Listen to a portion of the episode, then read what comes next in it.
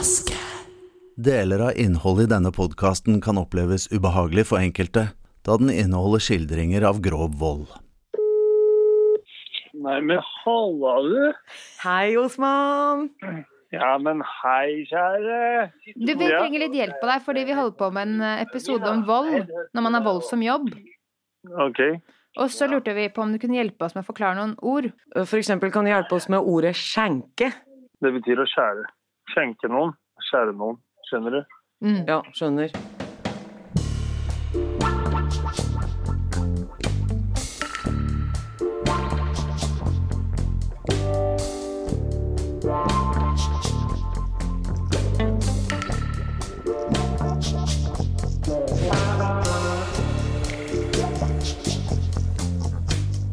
Populærkulturen er full av det. Filmer om spektakulære ran, TV-serier om psykotiske mafiabosser, bøker om kidnapping, blod, gørr og drap. Men hva vet du egentlig om Norges ekte underverden, og om det der å være kriminell? Mhm. Tenk litt på det, du. For det har vi lyst til å vise deg mer av. For det er jo ikke akkurat sånn man ser på TV. Nei, det er faktisk mye verre, Martine. Ja, eller er det egentlig det, Mina? Ja, ja, jo, kanskje Altså, du som lytter kan jo vurdere sjæl etter å ha hørt på.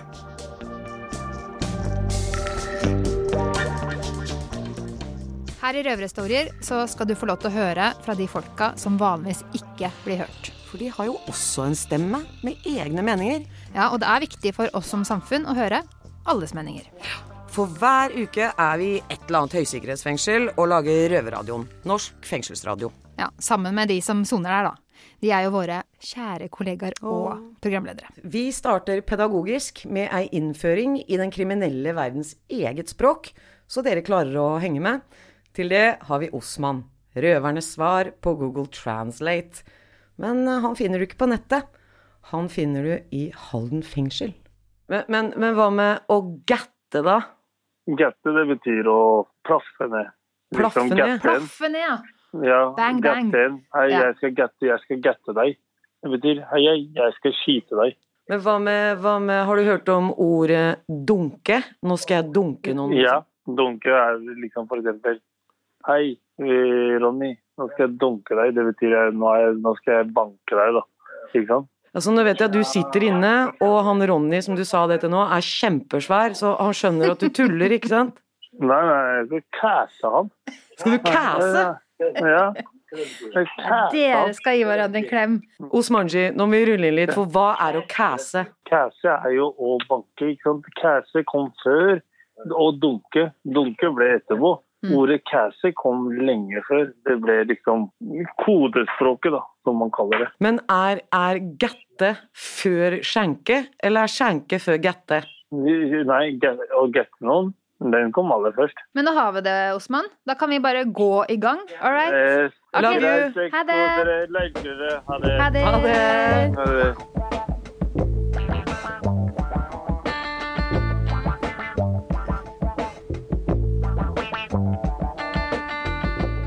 I den vanlige verden har vi én form for kommunikasjon. Men i den kriminelle verden er vold den viktigste kommunikasjonen, og frykten din beste venn.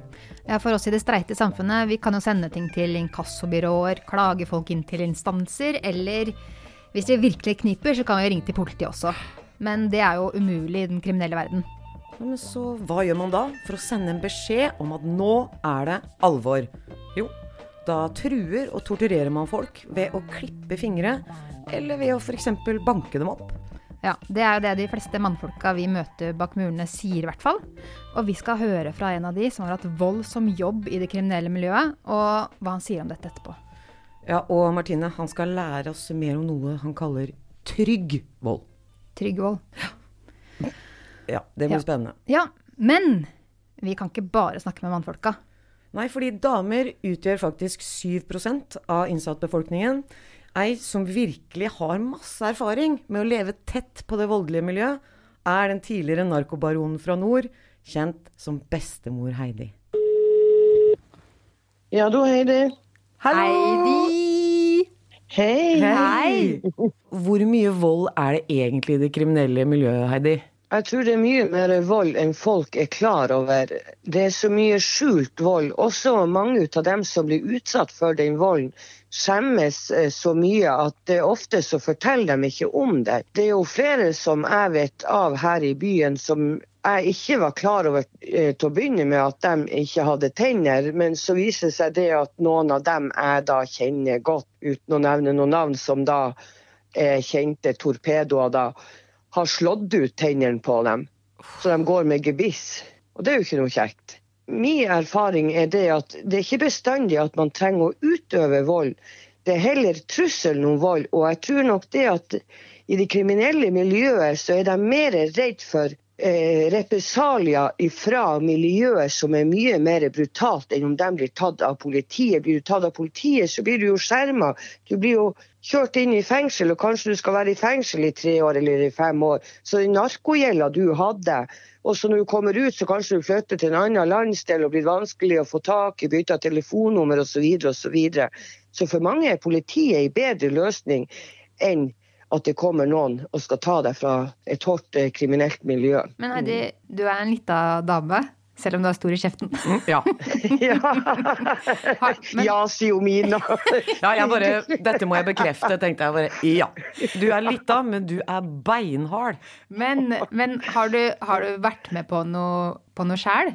Jeg gikk igjennom ei altandør for jeg var så forbanna på en jævla polakk.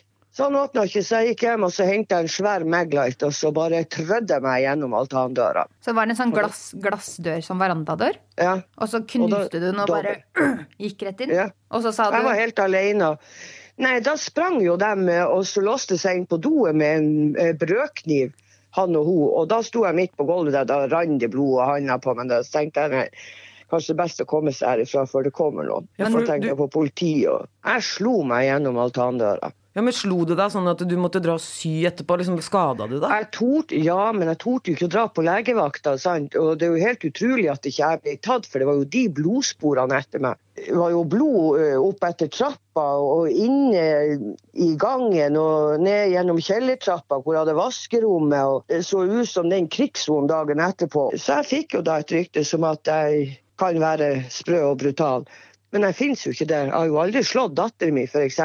Men du, du måtte bare rett og slett skru på den gærne Heidi bare for å overleve? Ja, jeg fant ut at hvis jeg gjorde det, hvis jeg gikk all in en gang for alle, så ville jeg oppnå en respekt i miljøet eh, her som ingen andre jenter hadde. Men jeg har jo òg hørt det at andre heller ikke tør å kødde med meg, som kanskje hadde tort det, men de tør ikke det på grunnlag av de vennene jeg kjenner. Nei, for at eh, en av mine nærmeste venner har jo vært eh, eh, torpedoer. Så mine to nærmeste venner her i Tromsø er jo torpedoer. Og, men jeg tror at jeg oppnådde mye respekt fordi at jeg alltid var rettferdig og har alltid vært ærlig. og Ikke prøvd å lure noen og har aldri gitt folk bøter. Selv om jeg har vært i en posisjon der jeg kunne ha gitt dem bøter. Dagsbøter, eh, rente. Det er forskjellige måter å gjøre ting på hvis det gjelder inkasso.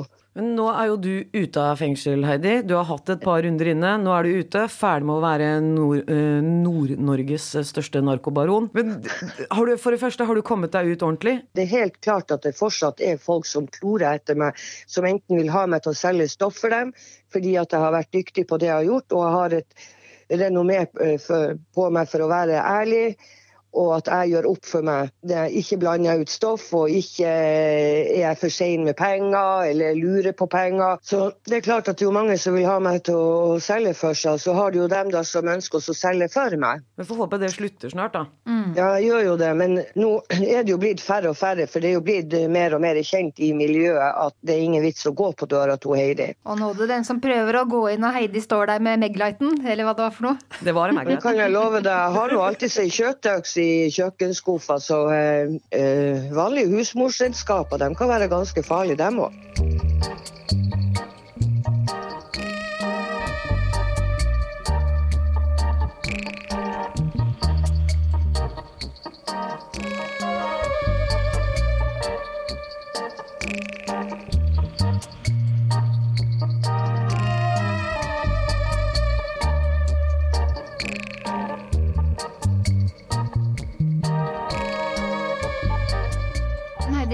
Du har jo skrevet en tekst til barnebarna dine eh, for å Ja. fortelle om denne gamle siden av livet ditt. Hvorfor var det viktig for deg? Det var veldig viktig fordi at det å få tatt et oppgjør, men også få fortelle hodet fra min side, og hvor hun ikke blir fortalt av noen andre og fremstilt på en måte hvor kanskje ikke jeg kjenner meg igjen. For eh, det er jo noe med når man først får et eh, rykte på seg i et miljø som det her. Og det er ikke noe særlig hyggelig for en liten uh, gutt eller jente som skal få klistra i seg det at bestemora er narkodronning. Det er ikke noe hyggelig. Kan du ikke bare være dronning? Å, tusen takk, det er godt å høre. Dere er noen gode lyspunkt i livet mitt. Dere og ungene og datteren mi, og det som gjør at det er verdt å holde fast i det normale livet. Som har trua på meg og støtta meg hele veien. Og det er det som er viktig til dem som lytter. Støtt hvis det er noen som kommer ut av fengsel så dere kjenner. Støtt opp om dem og, og vær en eh, god rollemodell og hjelp dem, og ikke eh, døm dem nedenom og hjem. Gjennom å få en ny sjanse, så er det mange som endrer livet sitt.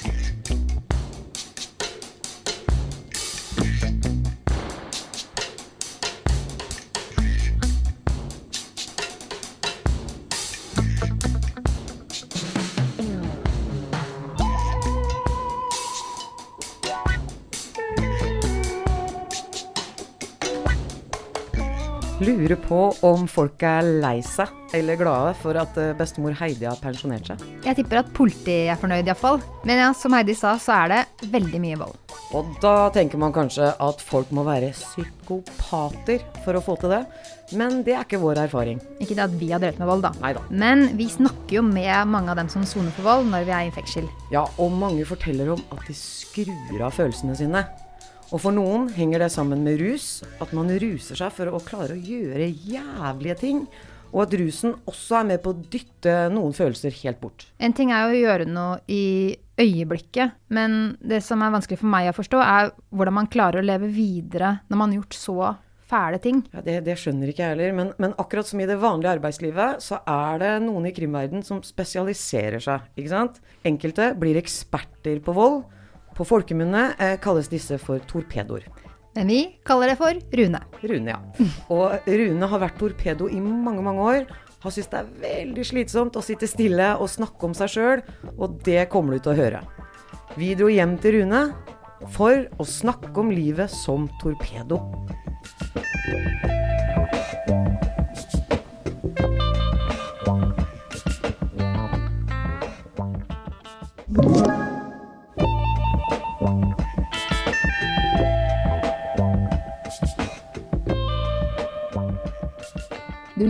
Tittelen, Rune, men du har jo vært torpedo.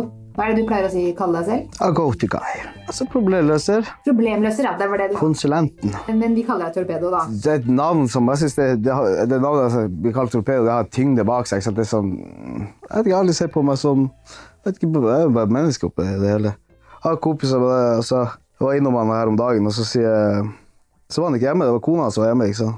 Og så ringer hun til Guben, og så sier hun bare Hei, du, han um, åh, Hva var han het igjen? han der, eh, du vet han der hyggelige psykopaten? jeg bare Ja, det var jo Å, et navn. Ha, han er her. Hun sa det foran deg. Ja. Men da er hun ikke så redd for deg, da, hvis hun tør å si at Nei, du er altså- eh, psykopat rett foran ansiktet ditt. Det er sånn, vi, vi alle er jo mennesker.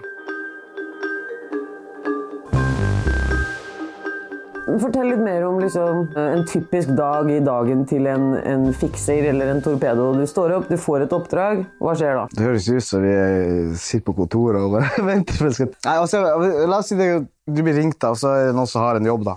Og så sier de ok, det er enten inkasso eller om det er La oss si du får en jobb. altså Det jeg likte å holde på med, hovedsakelig var jo inkasso og faktisk altså liksom beskyttelse og sånn.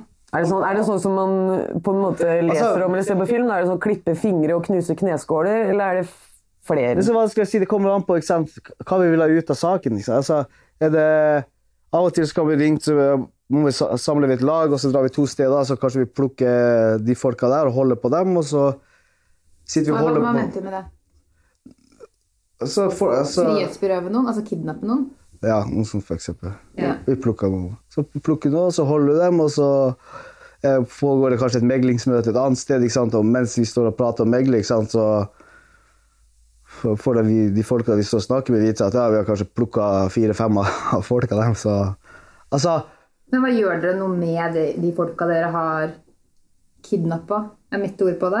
altså, det, det er så vanskelig å svare på, for det er så mye Det er litt sånn forskjellig fra gang til Ja, men jeg, gang. kan, jeg kan gi deg et lite sånn stikkord. Nullstilling. Hva er det for noe? Da tar du problemet ved rota.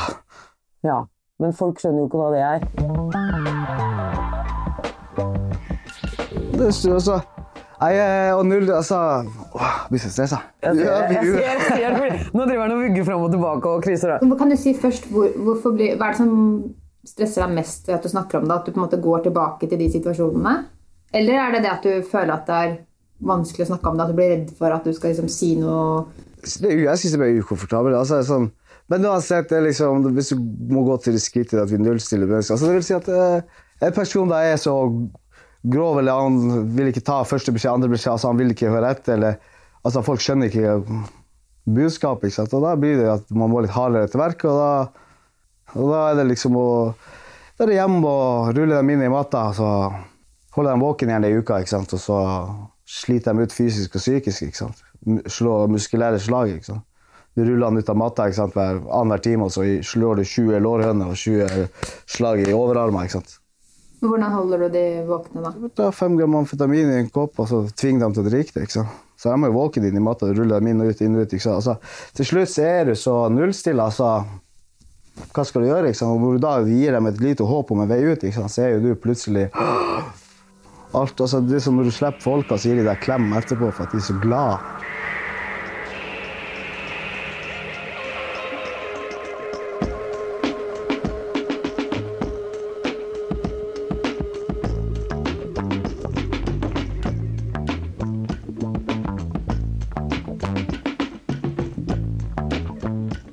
Kan liksom på, Det er jo stadige dokumentarer og alt mulig folk som har vært i krig, eller folk som har opplevd noe helt grusomt. liksom. Det, det preger dem resten av livet. PTSD, medisiner, psykologer. Det kommer til et punkt her altså, at du Du bare stiller deg inn til det. Altså, når det pågår, liksom, så er det bare, du kobler ut. bare bom, ok, greit. En rolle du liksom stepper inn i. liksom. Altså, du, du, du, du sitter jo bare på på turen.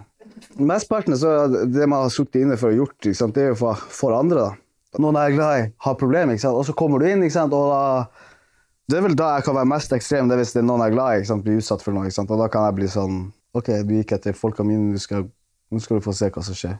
Da er det sånn, Jeg kan gå- gå ifra fra å kjøre bilen min gjennom husveggen til folk. og altså, Du står og venter, sitter i bilen din og bare venter, du ser han kommer ut, setter seg i bilen sin og kjører, og du bare kommer opp og så på sida bare krasjer inn litt i sida, så kjører du litt frem, og så stopper du, og han kommer ut av bilen. Åh, hva er det du på meg? Så kommer du ut av bilen med balter, og bare klakk, klakk, klakk. Altså sånn på åpen gate foran folk. ikke sant? Du driter, du har ikke hette eller maske eller noen ting. Du er så Det er bare et bytte.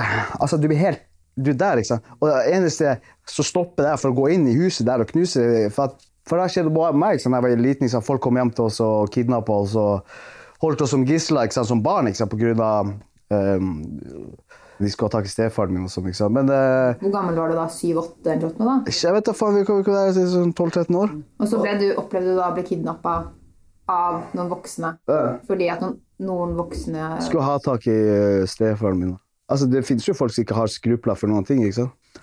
Og det er jo der jeg fikk mine skrupler fra. for at jeg gikk gjennom det, så tenkte jeg, ok, eh, Du går ikke hjem til noen. ikke sant? Så Folk som har beef med oss, og sånn, de vet i hvert fall vi kommer ikke hjem til dem. Vi respekterer den, den sona der. ikke sant? Og, altså, Det skal være ganske ekstremt for at jeg skal sitte ute i hekken og vente på at du skal komme ut, og jeg tar deg utafor huset ditt.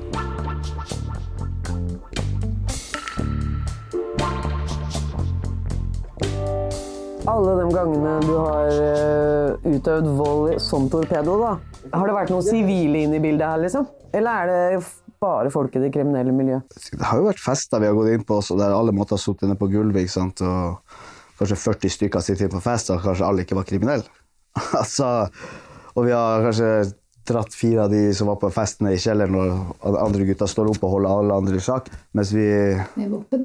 ja. Men hvorfor, er dere, hvorfor går dere på den festen? For å hente dere Nei, det er for å sette et eksempel, da, for å statusere et eksempel til dem at hei, du kan, du kan stå der med 20 av gutta dine og tro du er kul som faen, men når det kommer til stykket, og du møter et motivert lag som kommer fem stykker med automatvåpen inn i kåken og dominerer, så er det ikke så mye du skal ha sagt. Men hvorfor var det viktig at de skulle forstå det? Nei, altså, det var vel mer viktig at de folka som var rundt dem, skulle forstå at de ikke var en dritt. Så ikke de skulle få den der hypen sin. sant? Det var noen idioter som begynte å leke smart ikke sant? i vårt område. da. Jeg husker jeg kom inn der hadde en AG3.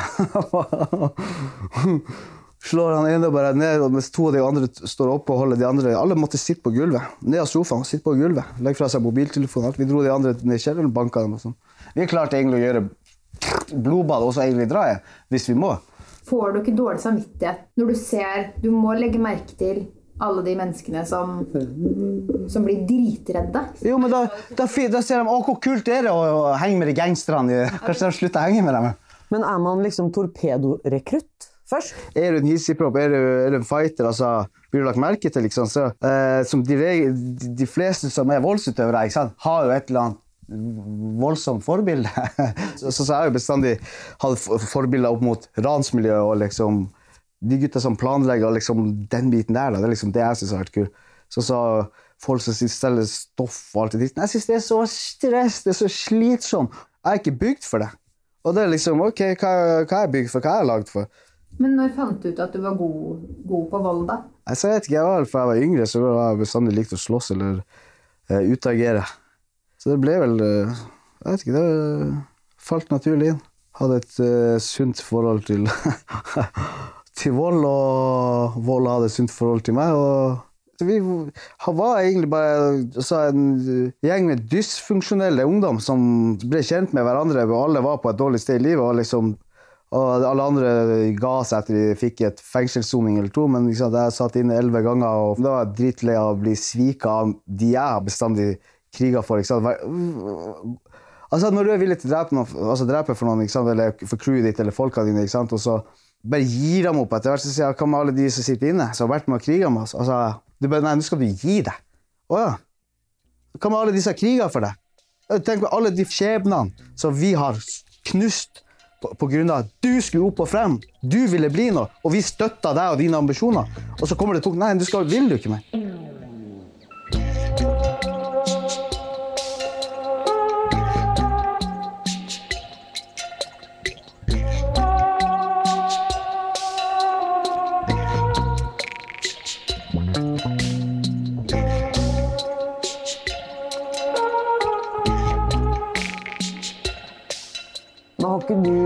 Snakka så mye om det her nå at det føles litt bedre for hver gang du snakker om det?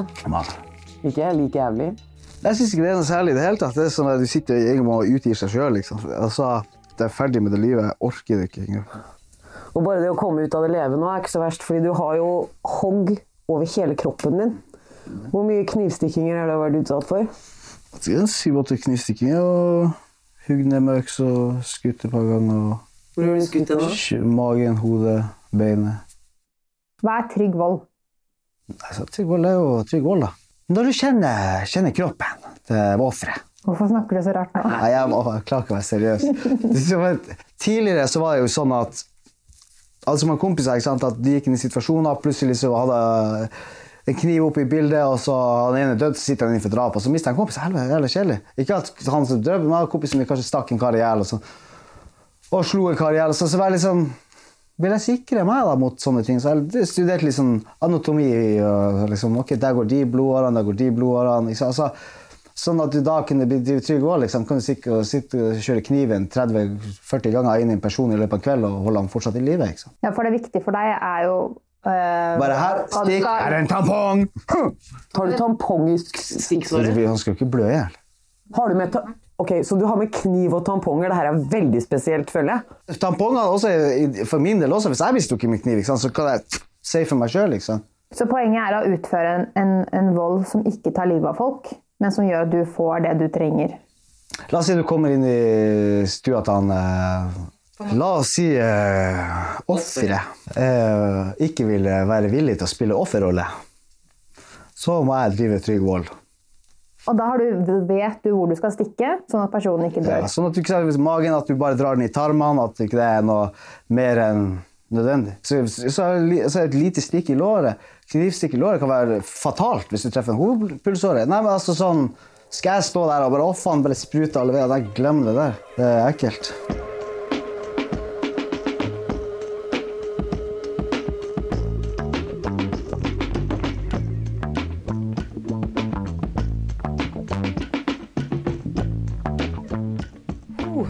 Ja, det er hard kost å høre hvordan torpedolivet er, men vi bør vel legge til at selv om Rune ofte snakker i nåtid, så har han sittet i mange år i fengsel for disse tingene, og har ingen nye saker på seg. Og det er jo faktisk verdensrekord for eh, Rune. Det er det faktisk. Og Rune er jo ikke den eneste torpedoen vi kjenner. Nei, vi kjenner jo nå et par eh, hundre røvere over hele Norge. Og du kommer til å høre mange stemmer fra den tjukkeste tåka av den kriminelle verden her framover.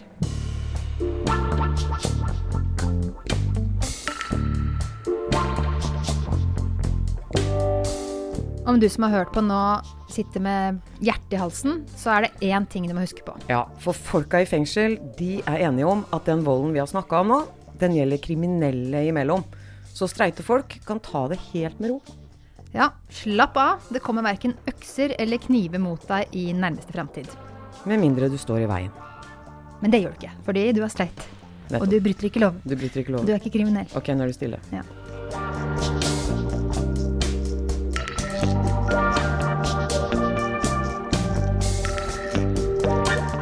Takk til røverne som forteller om livene sine til Mina Hajan og Martine Rand. Produsent hos Aschehoug er Marte Rommetveit, og redaktør er Nina Stensrud Martin. Musikk av Geir Sundstøl. Produksjon, klipp og lyddesign er ved Guttorm Andreassen. Hør gjerne også boken Røverhistorier her i Fabel, eller les boken. Der får du vite mer om Osman, Heidi og Rune, og du kan lese brevet Heidi skrev til barnebarnet sitt.